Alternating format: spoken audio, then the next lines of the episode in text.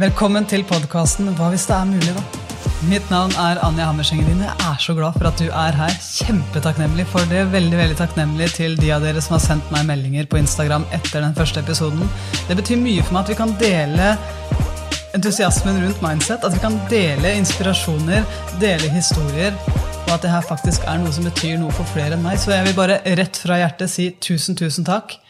Dagens episode skal handle om det å tro på noe. Tro på noe så vanvittig mye at du kommer til å gidde å legge inn en innsats. For det er det som ofte skjer med oss mennesker. da.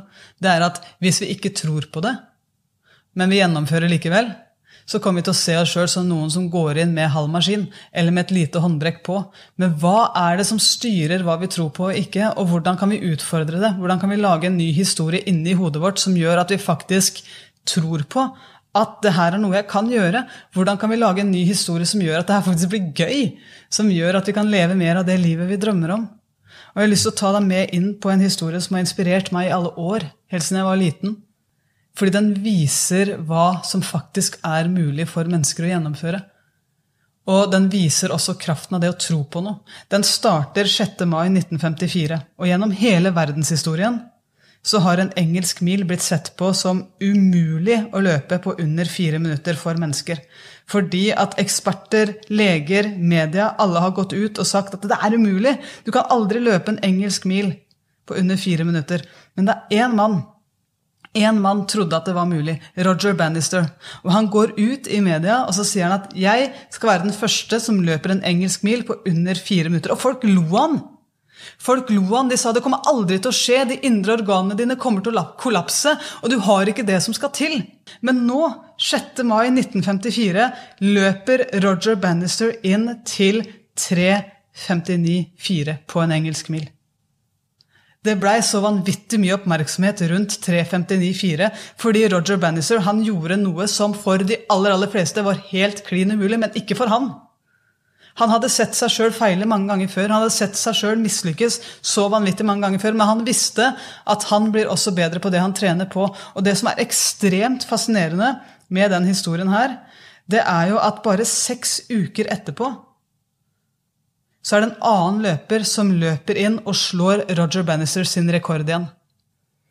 Og etter det så har mange løpere gjort det samme. Nå er det ikke lenger en stor barriere for løpere å løpe en engelsk mil på under fire minutter. Nå er det vanlig for godt trente løpere. Men noen måtte gjøre det først. Noen måtte gå i front og vise at 'jeg tror det her faktisk er mulig'. 'Jeg har tenkt å sprenge den grensa'. Derfor, bam, jeg tør også uttale det og si det høyt. Det som er rått med den historien der, det er jo at eh, Bannister turte å tro på det. Han turte å gjøre det først. Og bare seks uker etterpå, når noen hadde sett at ah, shit, det er jo faktisk mulig, så er det noen andre som gjør det. Vi må tro på det. Noen av oss venter og ser at det blir gjennomført, og så å ja, nei, men da kan kanskje jeg gjøre det òg. Men hva hvis du er den som setter standarden, da? Hva hvis du er den som faktisk våger å tro på det? Og Jeg elsker den historien, for den gjør meg veldig veldig, veldig oppmerksom på hvilken rolle er det jeg egentlig tar i møte med andre menneskers drømmer. Hvilken rolle tar du? Tar jeg ekspertrollen? Tar jeg den rollen som hører noen mennesker drømme, og som er kjapt ute med å se tilbake på historien og fortelle at det ikke kommer til å gå? Eller tar jeg den rollen som han som seks uker etterpå gjør det samme? Han som venter. Jeg måtte bare se det bli gjort først. Eller er jeg den personen som setter en ny standard? Den personen som løper inn til 3.59,4 selv om det aldri har blitt gjort før. Og det her det trenger ikke å være sett i lys av noe helt unikt som aldri har blitt gjort før i verdenshistorien, selv om akkurat Bannister gjorde det. Men hva er din 359-4 hvis du er helt ærlig med deg sjøl? Hva er det du drømmer om?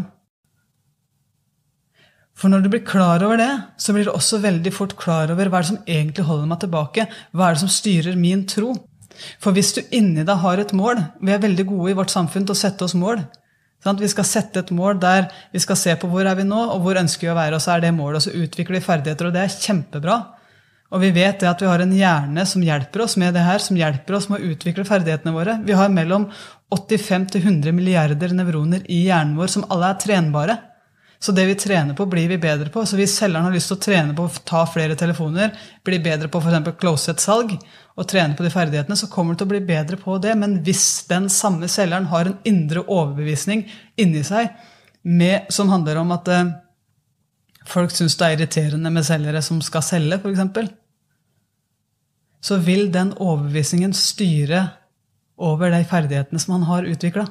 Fordi at uh, hvis du virkelig tror på at det du gjør, er feil, eller det du gjør, er motstridende dine egne verdier, eller det du gjør, er noe andre kanskje ikke liker, så er det en veldig stor sjanse for at du kommer til å gjennomføre med lav innsats. Men hvis du våger å se litt nærmere på det her, da, hva hvis du våger å snu på det, våger å gi det en annen mening, våger å stille nye spørsmål, sånn at du får en ny historie, så er det en veldig stor sjanse for at du faktisk kommer til å kunne bruke de nye ferdighetene som du nå har lært av, og du kan utføre det og få nye resultater og nye prestasjoner. Og det er jo noe av det som gjør at vi mennesker vokser. Det er ikke bare ferdighetene vi lærer oss. Det er veldig mange kunnskapsjunkies der ute som bare har lyst til å lære seg ny kunnskap hele tida. Men hvis du bærer på noen sannheter om deg sjøl, på hva du er kapabel til eller ikke, eller en overbevisning om hvordan vil folk motta det her, som er så sterk for deg at du faktisk ikke har lyst til å sette deg i den situasjonen, så er det veldig stor sjanse for at du òg kommer til å bli en av de løperne som løper nesten under fire minutter på en engelsk mil da er det en veldig stor sjanse for at du ikke blir den løperen som løper inn til 3.59,4.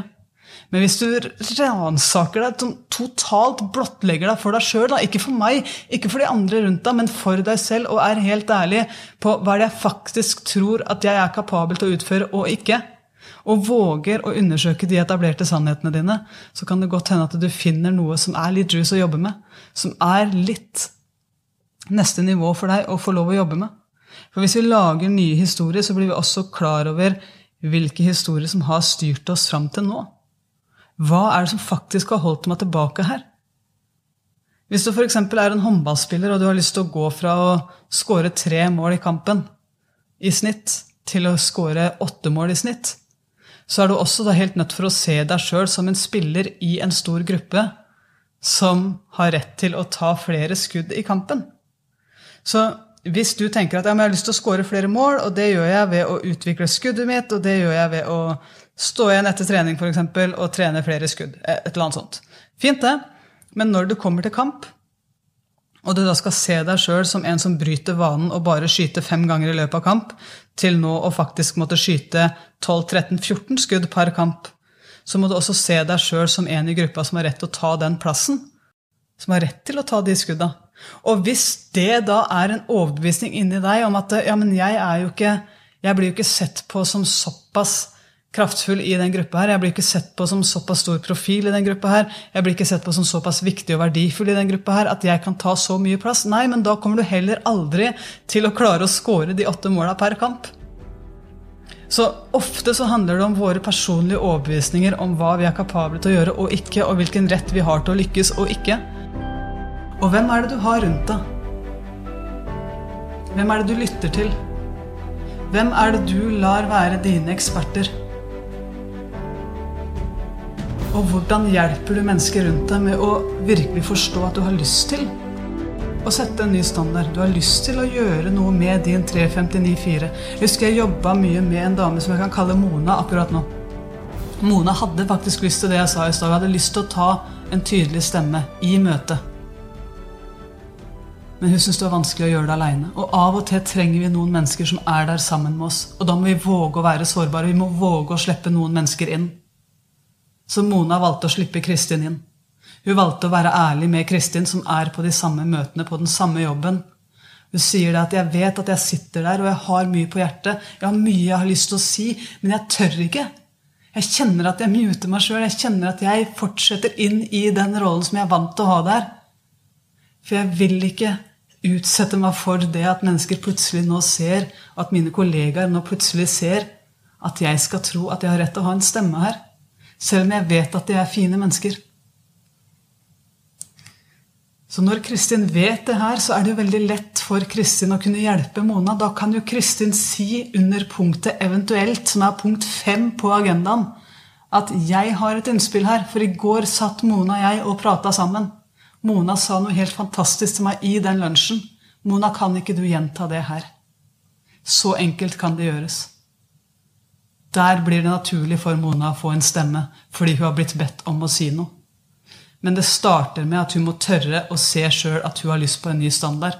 Hun må vite inni seg, inni hjertet sitt, at jeg er klar for nå å steppe opp mitt eget game. Jeg er klar for å vise den stemmen jeg har. Og så må du være såpass ærlig, ekte og vise hjertet ditt såpass mye at du tør å også si det til noen. Bannister sa det til et mediekorp som lagde masse overskrifter og som lo han, men sannheten er det at vi lever i et forholdsvis høflig samfunn. Folk kommer ikke til å le. Forhåpentligvis, da. Skaff deg nye venner hvis det skjer, eller ring meg, jeg kommer til å heie på deg. Men veldig ofte så ler ikke folk på den måten som Bannister ble ledd av. Og som mange idrettsutøvere ofte blir ledd av fordi de skal sette en ny standard. Veldig ofte så handler det her om vår egen frykt. Og frykten for hva vil folk si hvis jeg feiler? For hva hvis jeg feiler? Hvordan vil folk respondere på min nye rolle? Hvordan vil folk respondere på det nye jeg gjør? Hvordan vil folk respondere på at jeg velger en annen vei? Men hva hvis det er mulig, da? Og hvilke stemmer er det egentlig som betyr noe? For det kan hende at du òg møter de såkalte ekspertene. Det kan hende at du òg møter de menneskene som ikke tror på deg. Men vet du hva? De aner ikke hva som bor i deg. De aner ikke hvor mange ganger du har lyst til å reise deg når du feiler. De aner ikke hvor mye du er villig til å kjempe for det når det virker umulig. De aner ikke hvor mye du har tenkt å leite etter ny kunnskap sånn at du en dag blir god nok. Hvor mye du har tenkt å trene deg sjøl opp. De aner ikke. De vet bare hva du har gjort før. Så hva hvis det er mulig at du tror på det sjøl, da? For du vet inni deg. Du vet det her. Inni deg. Og det er det som betyr noe. Men det må starte med at du tror på det på ekte. Bannister trodde på det på ekte. Og han er den som fikk andre til å tro på det på ekte. Og det blei så kraftfullt at allerede bare seks uker etterpå var det en annen som gjorde det samme, men noen måtte gjøre det først. Og hva hvis det er mulig da at Mona som sitter i det møtet, faktisk inspirerer noen? Faktisk hjelper noen andre med å se at ah, jeg kan sette en ny standard. Og hva hvis vi er helt crazy da, og tenker at Mona er så modig at hun sier på slutten av møtet at vet du hva? Takket være Kristin så turte jeg å si noe i dag. Jeg har sittet og brent inne med det her sånn lenge. Men jeg fikk hjelp, og jeg har lyst til å være den som nå hjelper noen andre. Så hvis det er noe som helst som holder deg tilbake i din personlige utvikling, så si ifra. For jeg vet hvor mye det betyr å ha et annet menneske der som faktisk hjelper deg. Jeg har lyst til å være den for noen andre. Du trenger ikke si fra her nå i møtet, men bare vit at du har nummeret mitt. Vi har den muligheten. Vi har den muligheten til å være det mennesket for oss sjøl og for andre mennesker. Og så kommer vi også til å kjenne på den frykten. Ja, men hva vil folk si, da? Hva hvis jeg tør å snakke høyt om mine drømmer? Hva vil folk si? Hva hvis noen ler av meg? Hva hvis jeg feiler? Hva hvis noen snakker stygt om meg på bakrommet? Ja, hva hvis? Jeg håper du gjør deg opp en mening om hvem som skal få lov til å styre dine drømmer. Hvem som skal få lov å styre din standard for hvordan du har lyst til å leve ditt liv. For hva hvis det er mulig, da? Tusen takk for at du har vært med på podkasten Hva hvis det er mulig, da? Mitt navn er Anja Hammerseng-Edin. Jeg blir kjempetakknemlig hvis du stikker innom Instagram og sier hei til meg. Jeg håper det her har vært en, en episode som faktisk inspirerer deg, og som kanskje kan berike livet ditt med litt nye refleksjoner, litt nye tanker og muligheten til å se at du har faktisk muligheten til å sette en ny standard. Så hva er din 3594?